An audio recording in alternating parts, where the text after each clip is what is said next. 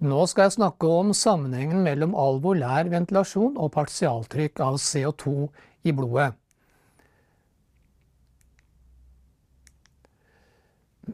Dette er det store bildet.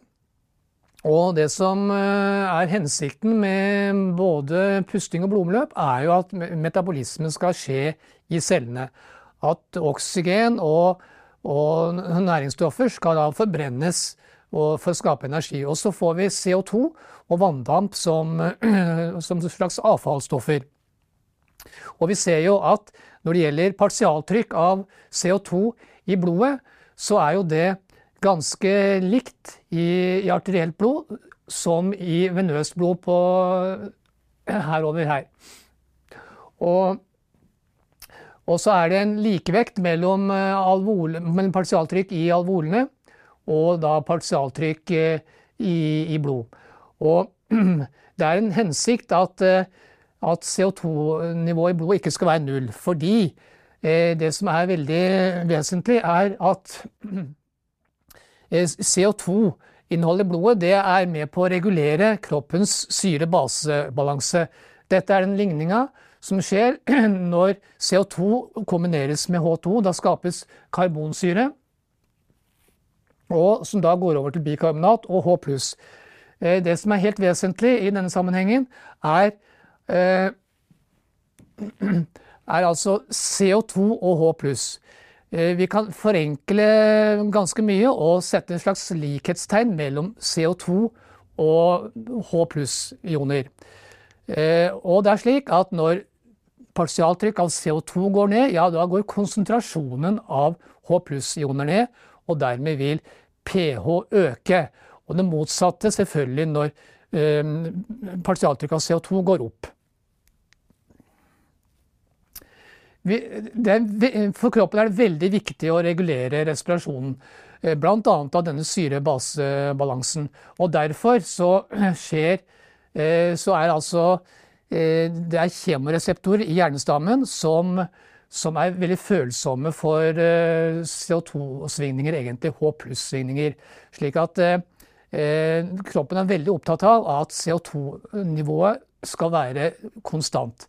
Og så har vi også noen reseptorer som regulerer, eller som er et slags backup-system hvis det blir for lite oksygen i blodet. Når det gjelder alvolær ventilasjon, så er den, det er den delen av tidalvolumet som kommer ned i de luftveiene hvor gassveksling skjer. Alt det andre er jo en transportetappe. Altså, så vi snakker om anatomisk dørom ned til alvoleganger og alvoler. Eh, vi, hvis vi har et, tidalvolum på 500 ml, Eh, så må vi trekke fra det anatomiske dørrommet, som er sånn ca. 150 milliliter hos en voksen mannsperson. Og da sitter vi igjen med at det er 350 milliliter frisk luft til alvolene. Hvis vi puster ti ganger i minuttet, så har vi da en alvolær ventilasjon på 3500 milliliter. Nå er det et forhold mellom den alvolære ventilasjonen og Eh, partialtrykk av CO2. Og det er et inverst forhold. Det vil si at hvis eh, den alvolære ventilasjonen øker, så vil partialtrykk av CO2 eh, reduseres tilsvarende innenfor fysiologiske grenser.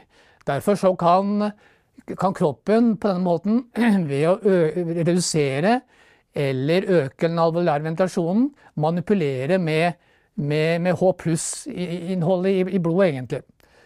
Eh, hvis vi i dette tilfellet har altså en alvolær ventilasjon på 3500 ml, så kan vi tenke oss at i, da gir det i, i, et, et, gitt tilfelle et, et partialtrykk i arterielt blod på 8 kilopascal.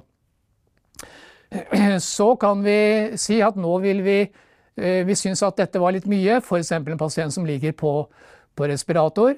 Vi vil av en eller annen grunn halvere, eh, halvere eh, partialtrykket av CO2. Ja, og da sier formelen da må vi doble den alvolære ventilasjonen. Slik at da må vi gi en alvolær ventilasjon på 7000 ml, da, og da vil da ifølge formelen partialtrykket av CO2 halveres. For å oppsummere.